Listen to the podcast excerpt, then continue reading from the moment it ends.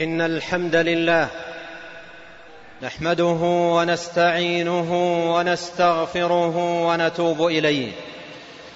ونعوذ بالله من شرور أنفسنا وسيئات أعمالنا. من يهده الله فلا مضل له ومن يضلل فلا هادي له. وأشهد أن لا إله إلا الله وحده لا شريك له. وأشهد أن محمدا عبده ورسوله وصفيه وخليله وأمينه على وحيه ومبلغ الناس شرعه. ما ترك خيرا إلا دل الأمة عليه ولا شرا إلا حذرها منه. فصلوات الله وسلامه عليه وعلى آله وصحبه أجمعين.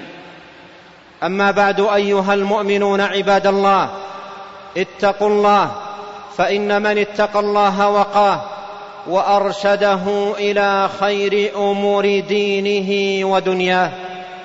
عباد الله كلمة مباركة عظيمة خيراتها كثيرة عوائدها وفوائدها على عبد الله المؤمن. في دنياه واخراه جعلها الله سبحانه وتعالى ملجأ للمبتلين وملاذا للممتحنين ومعتصما لذوي المصائب من عباد الله المؤمنين. إنها عباد الله كلمة إنا لله وإنا إليه راجعون. فإن المؤمن إذا أكرمه الله سبحانه وتعالى ومن عليه عند مصابه وبليته بالفزع إلى هذه الكلمة المباركة العظيمة مع الاستحضار لمعانيها المباركة ودلالاتها العظيمة وتحقيق مقاصدها ومرامها سكن قلبه واطمأنت نفسه وهدأ باله وعوضه الله جل وعلا في مصابه خيرا. عباد الله وسنة الله جل وعلا ماضية في عباده بأن يبتليهم في هذه الحياة بأنواع من الابتلاءات وألوان من المحن والرزايا فما من الناس إلا وهو مبتلى. والله جل وعلا يبتلي تارة بالغنى وتارة بالفقر ويبتلي تارة بالصحة وتارة بالمرض. وبالسراء أحيانا وبالضراء حينا آخر.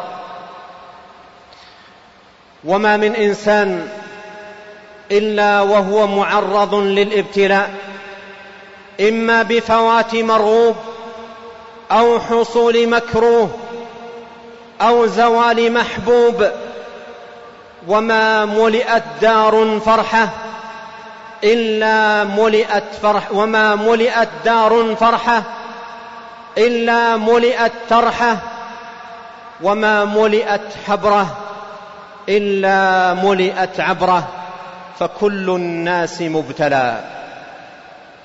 إلا أن المؤمن عباد الله في كل أحواله من خير إلى خير وهو أمر خص الله جل وعلا به عبده المؤمن. وفي هذا يقول نبينا عليه الصلاة والسلام عجبا لأمر المؤمن إن أمره كله خير وليس ذلك إلا للمؤمن. إن أصابته سراء شكر فكان خيرا له وإن أصابته ضراء صبر فكان خيرا له. رواه مسلم. عباد الله والله جل وعلا أخبر عباده في القرآن وخبره حق وصدق بأنه مبتل عباده بأنواع الابتلاءات ودعاهم جل وعز في هذا السياق إلى الصبر واللجوء إلى هذه الكلمة المباركة العظيمة كلمة إنا لله وإنا إليه راجعون. يقول الله تبارك وتعالى ولنبلونكم واللام لام القسم ولنبلونكم بشيء من الخوف والجوع ونقص من الأموال والأنفس والثمرات. وبشر الصابرين الذين إذا أصابتهم مصيبة قالوا إنا لله وإنا إليه راجعون. أولئك عليهم صلوات من ربهم ورحمة. وأولئك هم المهتدون. صلوات ورحمة واهتداء. ما أعظمها من خيرات وما أجلها من عوائد وبركات. قال الخليفة الراشد عمر بن الخطاب رضي الله عنه نعم العدلان ونعمة العلاوة. عباد الله إن المسلم يعلم أن ما أصابه لم يكن ليخطئه وأن ما أخطأه لم يكن ليصيبه ويعلم أن الأمر كله لله وأن الخلق خلق الله عز وجل وأن إلى الرب جل وعلا الرجعى وإليه المنتهى. فهذا الإيمان يحرك قلبه صبرا ويحرك لسانه بهذه الكلمة المباركة إقرارا وتسليما. إنا لله وإنا إليه راجعون. وهنا تتحقق البشارة العظيمة والموعود الكبير والفوز العظيم. وبشر الصابرين. أطلق جل وعلا ولم يقيد ليتناول البشارة بكل خير وفضل وبركة ونعمة في الدنيا والآخرة.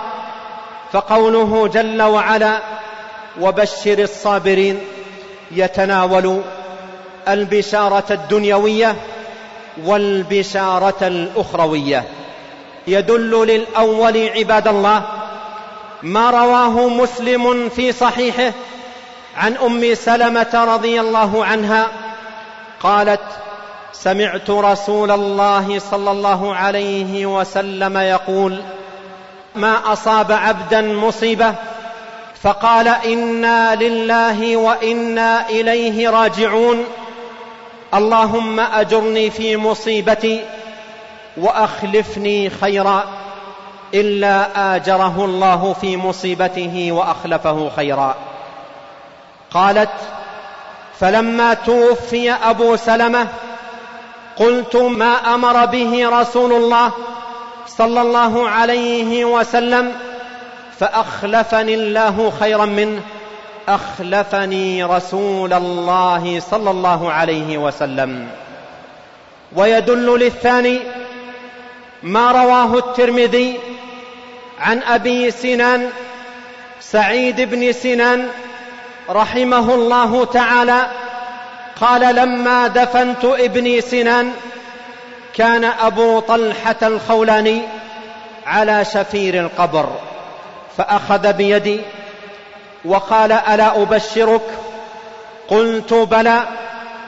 قال حدثني الضحاك بن عبد الرحمن عن أبي موسى الأشعري رضي الله عنه أن النبي صلى الله عليه وسلم قال إذا مات ولد العبد المؤمن قال الله تعالى لملائكته أقبضتم ولد عبدي؟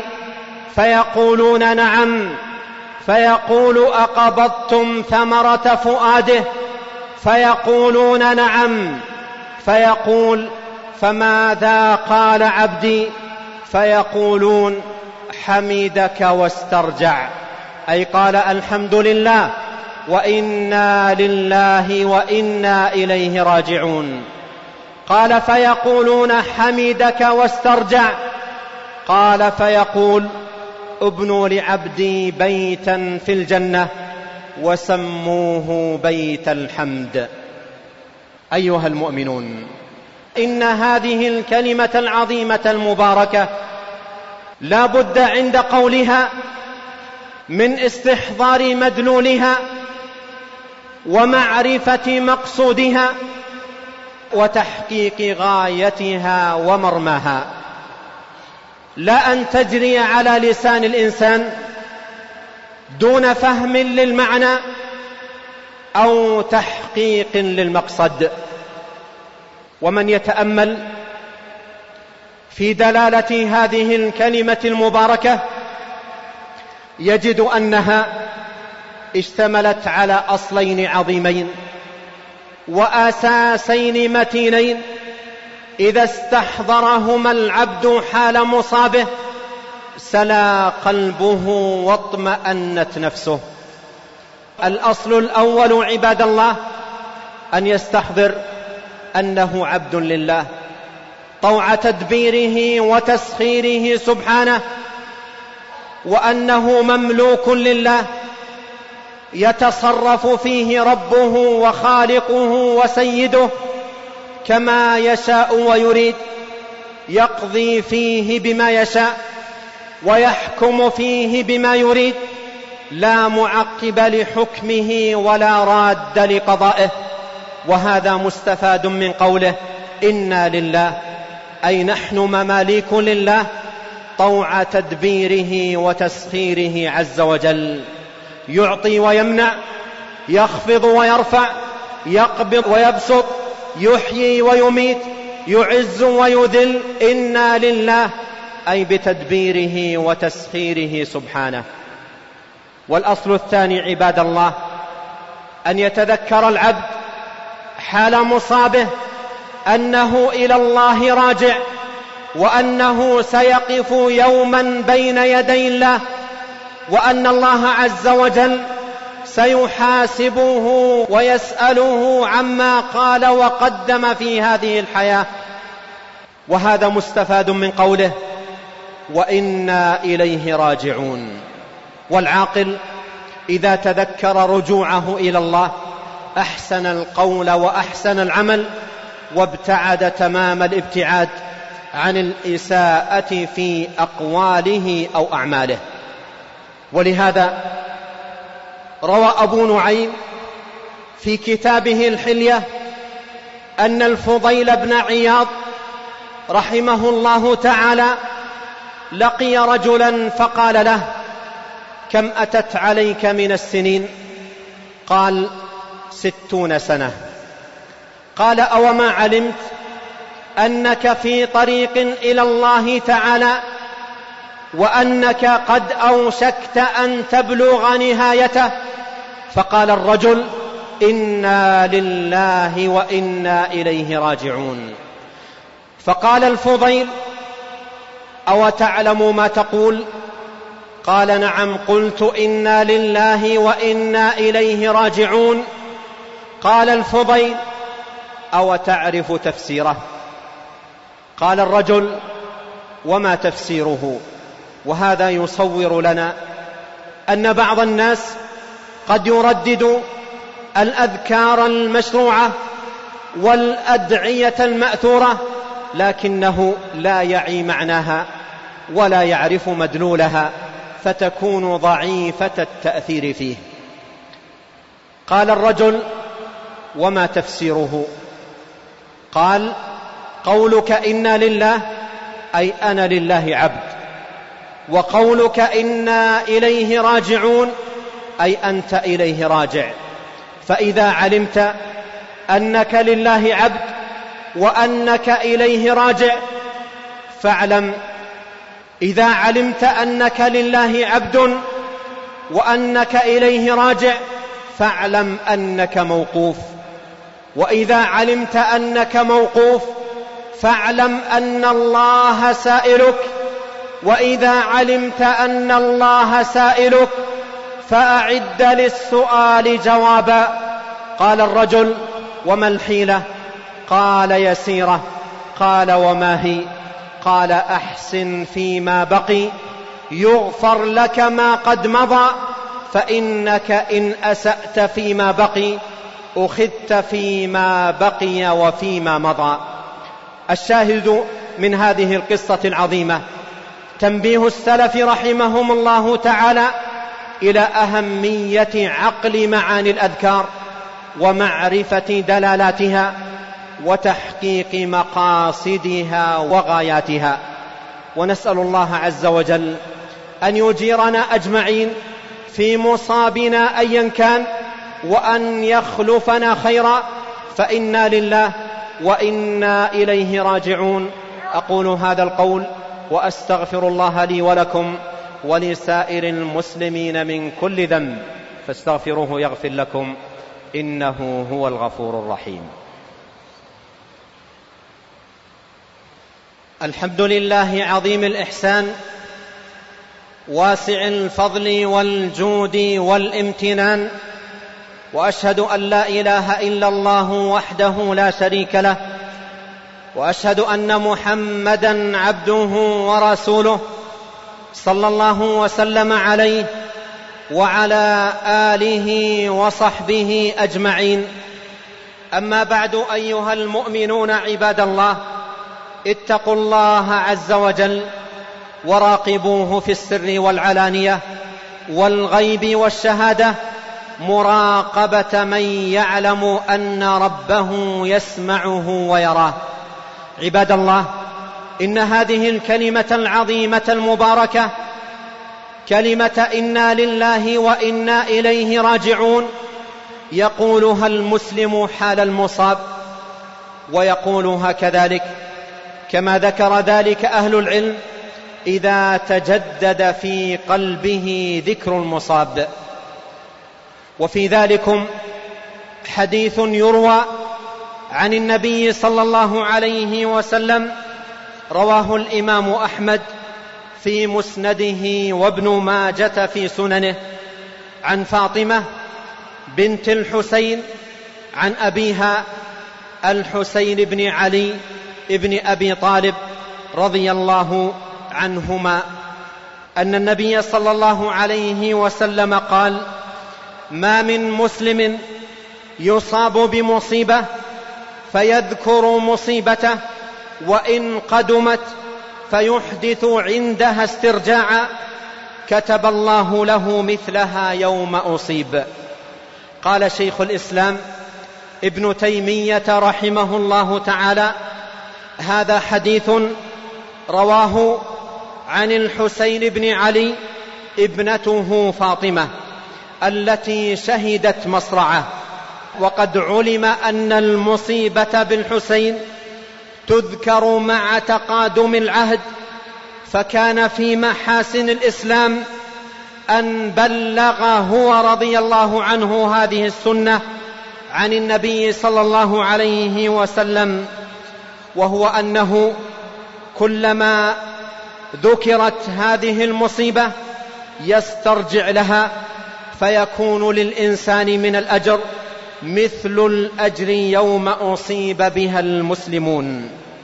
وأما من فعل مع تقادم العهد بها ما نهى عنه النبي صلى الله عليه وسلم عند حدثان العهد بالمصيبة فعقوبته أشد مثل لطم الخدود وشق الجيوب والدعاء بدعوة الجاهلية.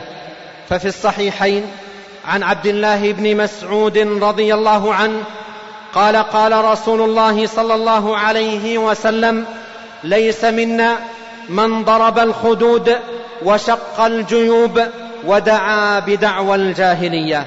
وفي الصحيحين عن أبي موسى الأشعري رضي الله عنه قال أنا بريء مما برئ منه رسول الله صلى الله عليه وسلم. إن رسول الله صلى الله عليه وسلم برئ من الحالقة والصالقة والشاقة. والحالقة التي تحلق شعرها أو تمزقه عند المصيبة. والصالقة التي ترفع صوتها نياحة عند المصاب والشاقة التي تشق ثوبها. قال وفي صحيح مسلم عن أبي مالك الأشعري أن رسول الله صلى الله عليه وسلم قال أربع في أمتي من أمر الجاهلية لا يتركونهن الفخر بالأحساب والطعن في الأنساب والاستسقاء بالنجوم والنياحة على الميت. وقال النائحة إذا لم تتب قبل موتها تقام يوم القيامة وعليها سربال من قطران ودرع من جرب. والآثار في ذلك متعددة. فكيف إذا انضم إلى ذلك؟ ظلم المؤمنين ولعنهم وسبهم وإعانة أهل الشقاق والإلحاد على ما يقصدونه للدين من الفساد وغير ذلك مما لا يحصيه إلا الله تعالى. انتهى كلام شيخ الإسلام ابن تيمية رحمه الله تعالى. عباد الله أكثروا من الصلاة والسلام على رسول الله صلى الله عليه وسلم كما أمركم الله جل وعلا بذلك في كتابه فقال إن الله وملائكته يصلون على النبي يا أيها الذين آمنوا صلوا عليه وسلموا تسليما. وقال صلى الله عليه وسلم من صلى علي واحدة صلى الله عليه بها عشرا. اللهم صل على محمد وعلى آل محمد كما صليت على إبراهيم وعلى آل إبراهيم إنك حميد مجيد. وبارك على محمد وعلى آل محمد كما باركت على إبراهيم وعلى آل إبراهيم إنك حميد مجيد. وارض اللهم عن الخلفاء الراشدين الأئمة المهديين أبي بكر وعمر وعثمان وعلي. وارض اللهم عن الصحابة أجمعين وعن التابعين ومن تبعهم بإحسان إلى يوم الدين. وعنا معهم بمنك وكرمك وإحسانك يا أكرم الأكرمين. اللهم أعز الإسلام والمسلمين وأذل الشرك والمشركين ودمر أعداء الدين واحم حوزة الدين يا رب العالمين. اللهم طهر المسجد الأقصى من رجز اليهود. اللهم طهر المسجد الأقصى من رجس اليهود. اللهم طهر المسجد الأقصى من رجس اليهود. اللهم وآمنا في أوطاننا وأصلح أئمتنا وولاة أمورنا واجعل ولايتنا في من خافك واتقاك. واتبع رضاك يا رب العالمين. اللهم وفق ولي أمرنا لما تحب وترضى وأعنه على البر والتقوى وارزقه البطانة الصالحة الناصحة. اللهم وفق جميع ولاة أمر المسلمين لتحكيم شرعك واتباع سنة نبيك محمد صلى الله عليه وسلم. اللهم واجعلهم رحمة ورأفة على عبادك المؤمنين. اللهم آت نفوسنا تقواها زكها أنت خير من زكاها أنت وليها ومولاها اللهم أعنا ولا تعن علينا وانصرنا ولا تنصر علينا وامكر لنا ولا تمكر علينا واهدنا ويسر الهدى لنا وانصرنا على من بغى علينا. اللهم اجعلنا لك شاكرين لك ذاكرين إليك أواهين منيبين لك مخبتين لك مطيعين.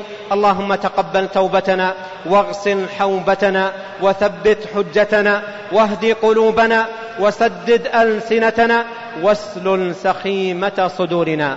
اللهم واغفر لنا ولوالدينا وللمسلمين والمسلمات والمؤمنين والمؤمنات الأحياء منهم والأموات. اللهم أغثنا اللهم أغثنا اللهم أغثنا اللهم اسقنا الغيث ولا تجعلنا من القانطين. اللهم إنا نسألك غيثا مغيثا هنيئا مريئا سحا طبقا نافعا غير ضار عاجلا غير آجل. اللهم أعطنا ولا تحرمنا وزدنا ولا تنقصنا وآثرنا ولا تؤثر علينا. اللهم رحمتك نرجو فلا تكلنا إلا إليك. اللهم لا تكلنا إلا إليك. اللهم لا تكلنا إلا إليك. ربنا آتنا في الدنيا حسنة وفي الآخرة حسنة وقنا عذاب النار. وآخر دعوانا أن الحمد لله رب العالمين وصلى الله وسلم وبارك وأنعم على عبده ورسوله نبينا محمد وآله وصحبه أجمعين.